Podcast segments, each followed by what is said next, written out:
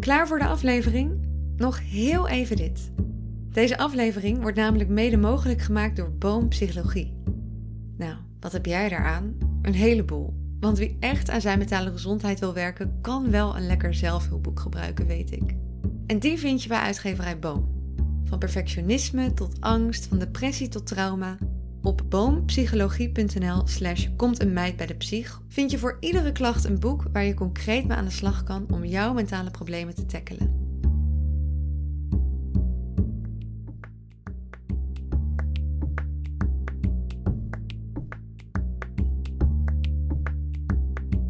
Komt een meid bij de psych en dat ben ik.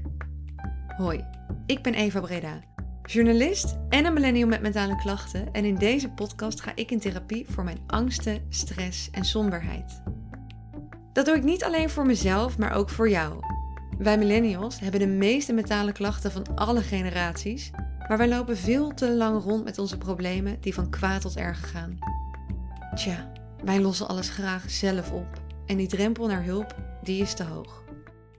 In deze podcast sleur ik jou die drempel eens over en laat ik je zien wat er gebeurt in de behandelkamer van de psycholoog. Je volgt mijn levensechte therapiesessies en komt erachter dat het best wel meevalt, therapie. Vandaag luister je naar de intake.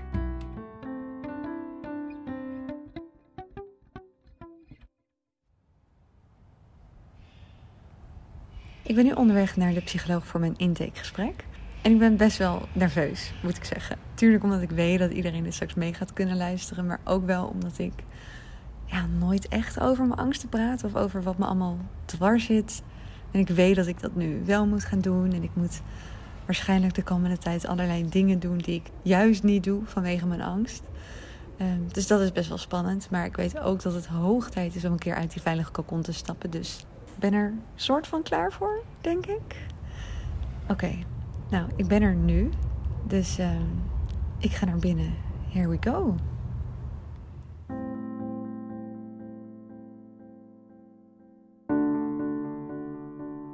Hallo Eva. Hoi. Welkom uh, bij deze eerste sessie.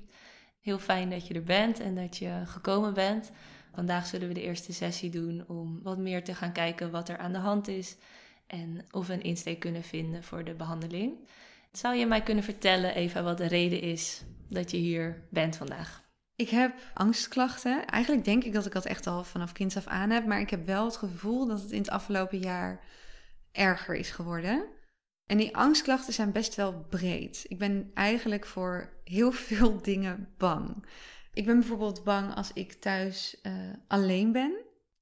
Ik durf liever niet te douchen als ik alleen thuis ben. Ik ben bang om in mijn eentje te slapen als ik alleen thuis ben. Ja, een beetje, ja, heel veel van dat soort dingen. laat ik het zo zeggen, ik voel me heel vaak onveilig of ja, bang gewoon. Mm Wat ontzettend naar. En je zegt, hè, die, die uh, angstklachten spelen al sinds je kind was. En, en ze bestaan eigenlijk uit verschillende dingen waarin ik me onveilig of bekeken voel. En het zijn, wat me opvalt is dat het veel dingen zijn als je alleen bent, hè? Ja, nou ja, eigenlijk is het zelf zo dat ik het nooit heb als ik met iemand anders ben. Ik denk dat ik letterlijk in een verlaten kasteel zou durven slapen als er iemand anders naast me ligt. Uh, iemand die ik ken. Okay. En dat is ook wel zo lastig, merk ik ook wel de afgelopen tijd, in coronatijd. Um, mijn vriend is ook altijd thuis. Mm -hmm. Dus daardoor ben ik um, overwegend minder bang. Maar ik denk ook omdat ik daardoor minder vaak alleen ben. De keren dat ik dan alleen ben, um, heb ik echt het gevoel dat ik ja, gewoon echt heel bang ben. Ja, hey, en als je dat zo voor je zou stellen, dat je alleen bent uh, de hele nacht thuis en je vriend is er niet. Is misschien even niemand waar je op kan terugvallen. Hè? Wat zou er dan kunnen gebeuren, denk je? Ja, eigenlijk weet ik het niet zo goed. Ik ben dan bang dat, um, dat er iemand is. Ik ben dan bang dat er misschien een indringer is. Uh, dat er iemand bijvoorbeeld komt inbreken of dat iemand mij iets aan komt doen. Hey, en stel je voor dat dat echt zo zou zijn. Wat zou er dan kunnen gebeuren, denk je? Ja, dat iemand mij dan iets aan zou doen of zo. Ik heb al vaak dat ik in mijn hoofd zie dat iemand mij dan neer komt steken. Mm -hmm. Ik ben denk ik vooral bang voor, voor de dreiging. En niet zozeer voor, voor wat die persoon mij zou kunnen aandoen. Uh, dus niet zozeer de gevolgen, hè? maar meer de dreiging van het neersteken zelf. Hey, als er dreiging is, hè, wat zie je dan? Ik zie dan wel vaak voor me dat, dat iemand op me afkomt. Want ik ben bijvoorbeeld ook vaak bang uh, in de trein als mensen met hun handen in hun zakken een coupé inkomen lopen. Dan denk ik altijd dat ze een mes daar hebben. En dan zie ik wel voor me dat ze naar me toe komen en dat mes in me steken. En daar houdt het denk ik ook wel een beetje op.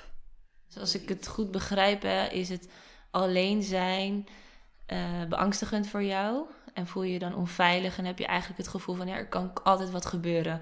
Er kan iemand zijn die me komt bedreigen of er kan iemand zijn met een mes. Ik weet ook niet zo goed wat het is, maar er kan wel wat gebeuren. Ja, ja, dat zeg je wel goed. Ik ben gewoon, ik voel me onveilig. En wat dat dan is, dat kan echt per moment verschillen. Het komt wel vaak een beetje terug op dat neersteken. Mhm. Maar ja, het is gewoon een algeheel gevoel van onveiligheid als ik in mijn eentje ben. Hey, en nu zei je dat je dat al sinds kinds af aan ervaart, hè? Wanneer is dat begonnen? Ja, zolang ik me kan herinneren. En ik denk dat ik me mijn jeugd kan herinneren vanaf, nou ja, weet ik niet, dat ik een jaar of vijf, zes ben of zo. Was, was er sprake van dreiging thuis, uh, onveiligheid? Vanaf dat ik een jaar of vijf ben, uh, is mijn vader uh, verslaafd geraakt. En dat zorgde wel voor, nou ja, ja, wel onveiligheid thuis. Hij kon wel um, dronken zijn. En dat mhm. kon wel voor onveiligheid zorgen. Ja, maar ik kan daar ook niet heel erg iets concreets aan verbinden. Maar er was wel vaak een gevoel van: gaat het goed of gaat er iets gebeuren, denk ik. En hoe lang heeft dat uh, geduurd? Uh, ja, eigenlijk denk ik tot mijn twaalfde. Toen, of nee, tot mijn elfde denk ik. Toen zijn mijn ouders uit elkaar gegaan en toen uh, woonde hij niet meer bij ons. Mm -hmm. Maar hij kwam wel nog regelmatig in dronken toestand dan naar ons huis toe bijvoorbeeld. Of hij kwam naar mijn school toe. Dat werd minder toen ik ging studeren, omdat hij toen niet wist waar ik woonde. En hij wist ook niet precies waar ik studeerde. Mm. Maar er was denk ik nog steeds wel onrust, omdat hij toen op straat leefde en mij wel heel vaak belde. En ook af en toe wel met nou ja, hele vervelende boodschappen. En dat is eigenlijk pas geëindigd vorig jaar, omdat hij is overleden. Mm als je dan alleen was, hè, vroeger, was je dan ook extra bang dat je vader zomaar kon opduiken? Nou, vroeger was ik nooit alleen, denk ik, omdat ik dat niet durfde. Dus mijn moeder liet me ook nooit alleen thuis en ik durfde ook niet alleen te slapen. Dus mijn moeder ging altijd, ja, volgens mij echt vanaf dat ik klein was. Ik ging om acht uur of zo of om negen uur slapen en dan ging mijn moeder ook om negen uur slapen. Je moeder was altijd bij je? Ja. Ik kan het zijn dat, uh, dat is even een hypothese van mij hoor, en je moet maar zeggen of dat klopt of niet. Dat, dat je vroeger hebt geleerd hè, van nou, er kan altijd wat gebeuren en er is altijd een soort van dreiging. En mijn moeder is er uh, die mij beschermt en, en daardoor uh, gebeurt er niks of daardoor ben ik veilig. Terwijl je misschien het gevoel hebt, ja, als ik alleen ben, dan kan dat weer gebeuren. Of dan, uh, ik heb iemand nodig om op te vertrouwen die mij kan beschermen. Want alleen red ik het niet zelf. Nou, dat zou best wel kunnen. Als je het zo zegt, ja, dat zou me absoluut niet verbazen. Want dat is wel een beetje waar het op neerkomt. Ja, ik was altijd wel angstig en er was altijd onveiligheid. Maar, maar mijn moeder was er, zeg maar. Ja. Dus het zou zeker kunnen dat dat wel iets in mijn hoofd uh, een soort patroon heeft ge gemaakt, zeg maar. Ja.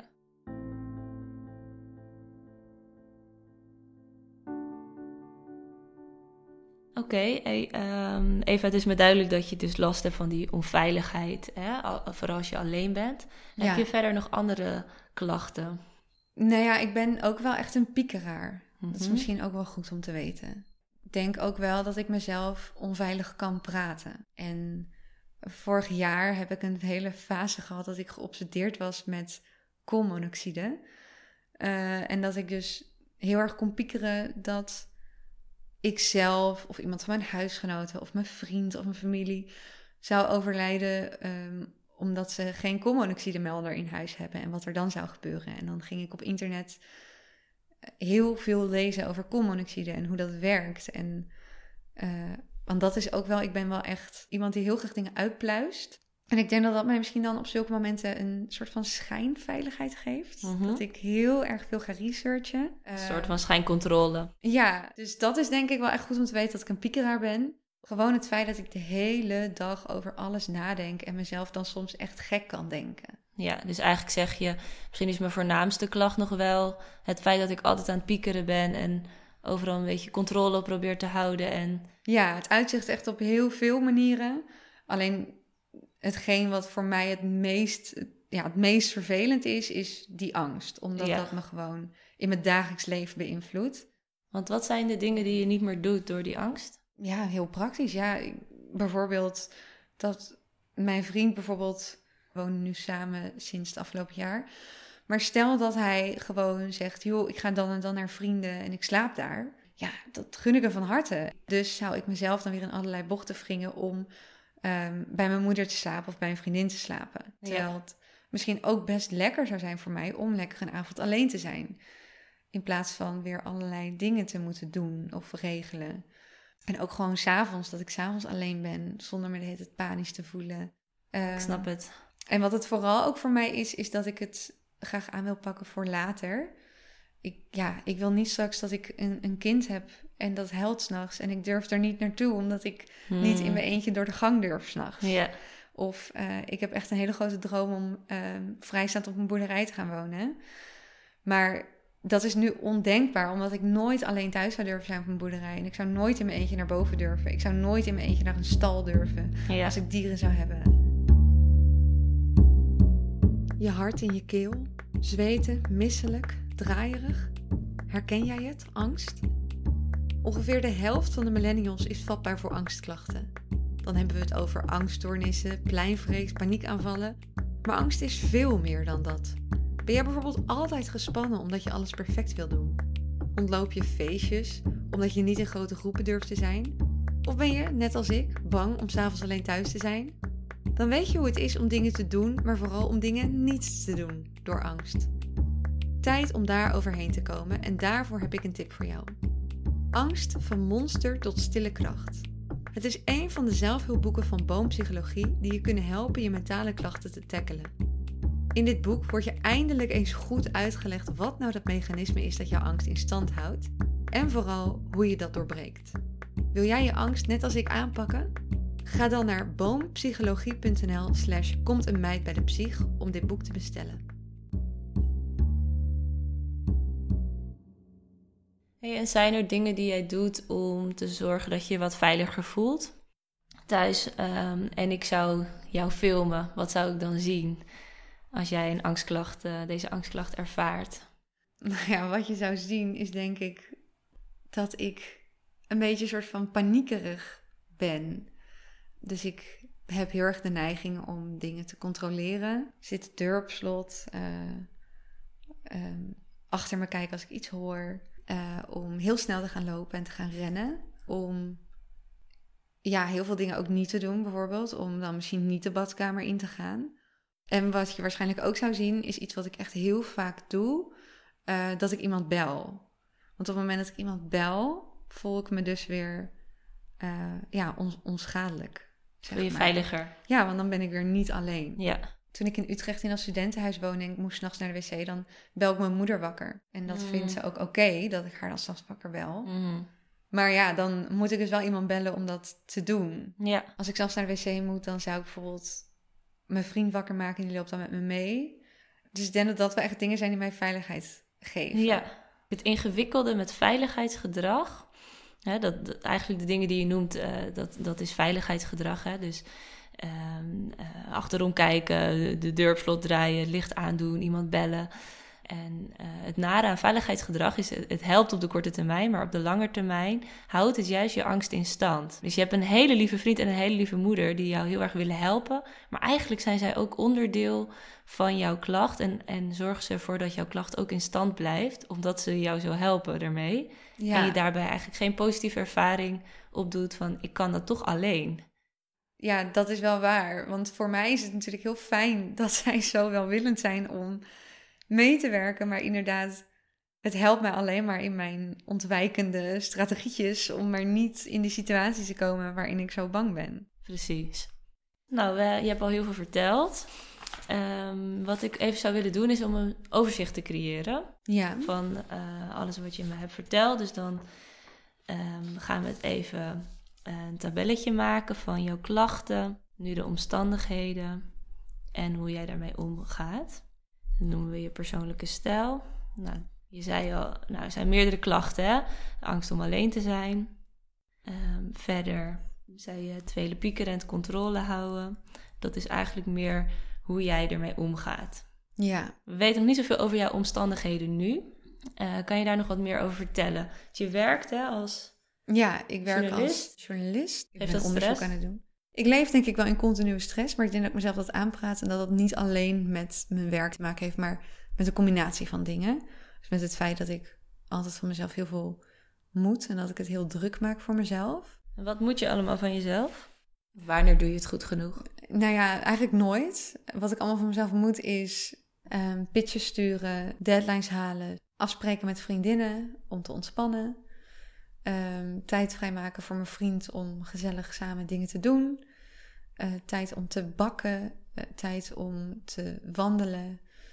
Dat Want moet ook. graag. Dat kan echt op mijn to-do-lijst staan, wandelen. Ehm, lezen moet ik van mezelf. Ik moet mijn Instagram bijhouden. Ik moet mijn mails bijhouden. Ik moet er leuk uitzien. En dat moet ik eigenlijk ook nog doen. Zo bewust mogelijk. Dus ook wat duurdere dingen kopen. En daar moet ik dan weer geld voor verdienen. Ik moet veel sparen voor later. Ik denk dat ik van mezelf alles moet. Ik moet ook vrijwilligerswerk doen. Ik word zo moe als je dit allemaal vertelt. Ja, ik denk echt dat ik echt alles moet van mezelf. Ik kan niet iets bedenken. Ja, sporten kan ik soms wel op een lager pitje zetten. Maar dan voel ik me daar eigenlijk structureel schuldig over. Zou je jezelf dan zeggen, ik ben een beetje een perfectionist? Ik ben altijd een heel erg perfectionist geweest. Ik denk wel dat ik dat iets meer heb durven loslaten inhoudelijk. Als in, ik moet alles doen. Maar alles wat ik doe, hoeft een tikkeltje minder perfect te zijn dan het altijd moest. Hmm. Maar nog steeds moet het wel echt heel goed zijn. Dus ja, ik leg mezelf best veel druk op, absoluut. Mm. Ja. Hey, stel je voor dat je dat niet meer zou doen. Wat, wat maakt dat dan van jou? Ik weet het niet zo goed waar ik dan bang voor ben. Ik wil het allemaal heel graag. Misschien is het ook een gevalletje van... Het leven is kort en ik wil gewoon heel veel doen. En ik, Ik moet er alles uithalen. ja, ik weet niet, ik vind het ook leuk. Alleen dingen die leuk zijn, moet je natuurlijk vooral energie geven. En soms kost het me gewoon veel te veel energie. Dus Ja. dan ben ik moe en gestrest van alle leuke dingen die ik moet doen. Ik denk meer als ik het niet zou doen, dat het me niet zozeer iets zou maken. Ik denk dat ik meer een soort van FOMO zou krijgen. Hmm.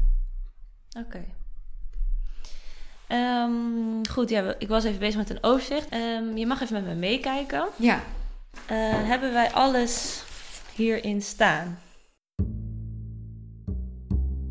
in het overzicht staat kort beschreven wat we vandaag hebben besproken. Ik neem het even met je door. Allereerst mijn klachten. Daar beschrijven we de angst die ik heb om alleen te zijn en dat onveilige gevoel dat ik vaak heb. Maar ook het feit dat ik het altijd heel erg druk heb en zo gestrest ben. Dat is ook een klacht. Vervolgens beschrijven we de omgevingsfactoren in mijn leven die bij kunnen dragen aan hoe mijn mentale staat is. Op dit moment heb ik een mooi sociaal leven, beschrijven we in het overzicht. Met veel lieve mensen om me heen, gezonde hobby's en leuke baan. Allemaal dingen die goed voor me zijn. Maar aan de andere kant heb ik ook mijn verleden met veel onveiligheid en is mijn vader net overleden. Vervolgens beschrijven we mijn persoonlijke stijl. Dat houdt in hoe ik met mijn klachten omga. We komen tot de conclusie dat ik veel pieker, veel controle en veiligheidsgedrag uitvoer, een groot verantwoordelijkheidsgevoel heb en streng ben voor mezelf. Ik moet veel. Zie ik verbanden? vraagt Dorianne me. Ja, die zie ik zeker. Nu we het zo op papier zetten, zie ik heel goed waar bepaalde dingen vandaan komen. De angsten, die zullen vastgeworteld zijn in mijn verleden en het feit dat ik heb geleerd dat ik anderen nodig heb om me veilig te voelen.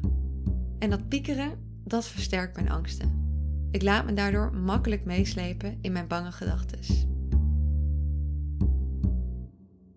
Als je dit zo ziet, hè, wat denk je dat we het beste kunnen gaan veranderen in therapie? Wat zou je willen veranderen?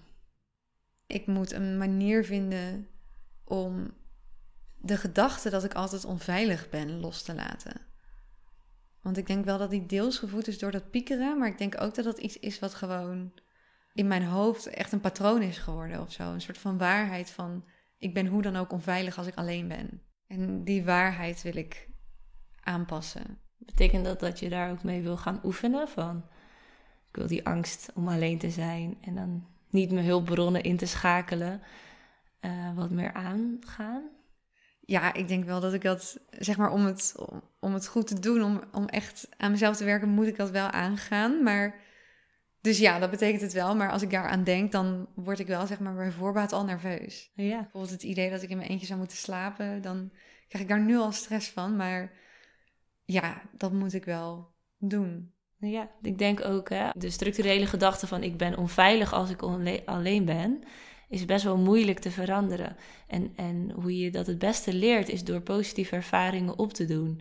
Door alleen te zijn en te merken, oh ja, maar er gebeurt niks ergs. Ja. Dus dan uh, heb je een positieve ervaring van, oh, ik ben dus veilig.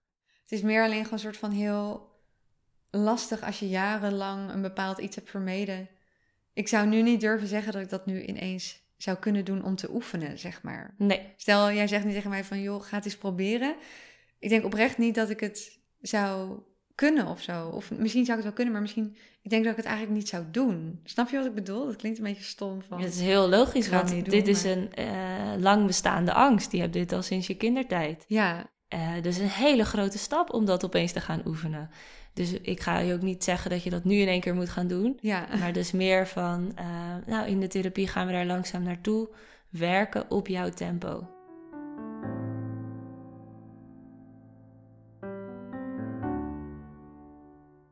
Hey, stel je voor dat je therapie uh, hier bij mij volgt uh, en uh, dat is succesvol en geslaagd. Wat hoop je dan dat er anders zou zijn voor jou?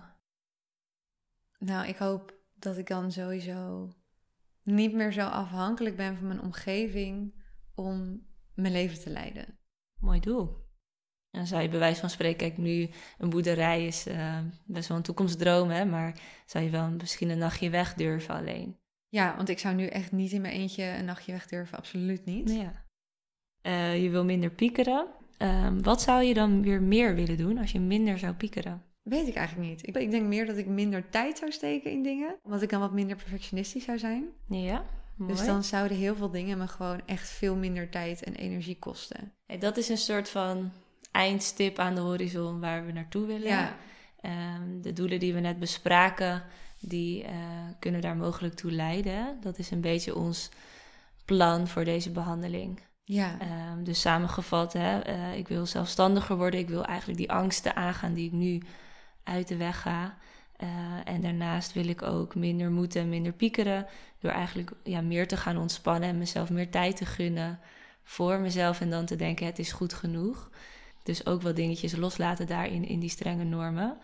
En ja, dat samen zal je volgens mij meer ontspanning geven. Je blijer doen voelen. En ook wel bijdragen, denk ik, aan het gevoel van vrijheid. En deels zou er ook kunnen zijn dat er bepaalde dingen blijven bestaan. Kijk, er is wel sprake van een lange structurele onveiligheid. Dus kijk, dat jouw hoofd, jouw brein zo werkt, dat zal misschien niet helemaal weggaan. Maar je kan wel leren van, oh, uh, oh daar ga ik weer. Ik heb nu geleerd van dat is niet meer nodig. En uh, ik kan nu een manier vinden om dan wel even de rust in mezelf te vinden. Van Dorianne krijg ik een samenvatting opgestuurd van deze sessie, zodat ik alles thuis nog eens in alle rust door kan lezen. Verder mag ik mij de komende week bezighouden met twee dingen.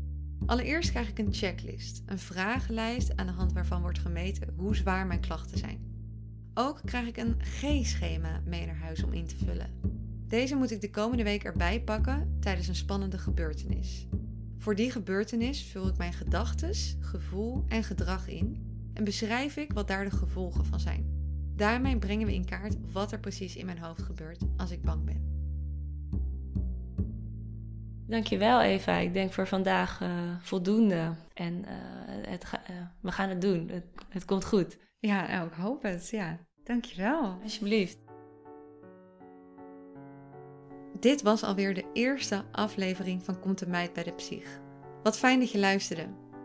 Wil je meer van mij weten of wil je iets kwijt over de podcast of je eigen mentale gezondheid? Volg me of stuur me een berichtje op Instagram. Dat is Eva Breda. Die naam vind je overigens ook terug in de show notes. Daar vind je ook de website van mijn psychologe Dorianne Hoek en de website van Boompsychologie, waar je door mij getipte boek kunt bestellen. De muziek van deze podcast werd gemaakt door Lindy Zimmer, het logo door Scenes by Sam. Bedankt voor het luisteren en ik zie je volgende week dinsdag weer in de behandelkamer.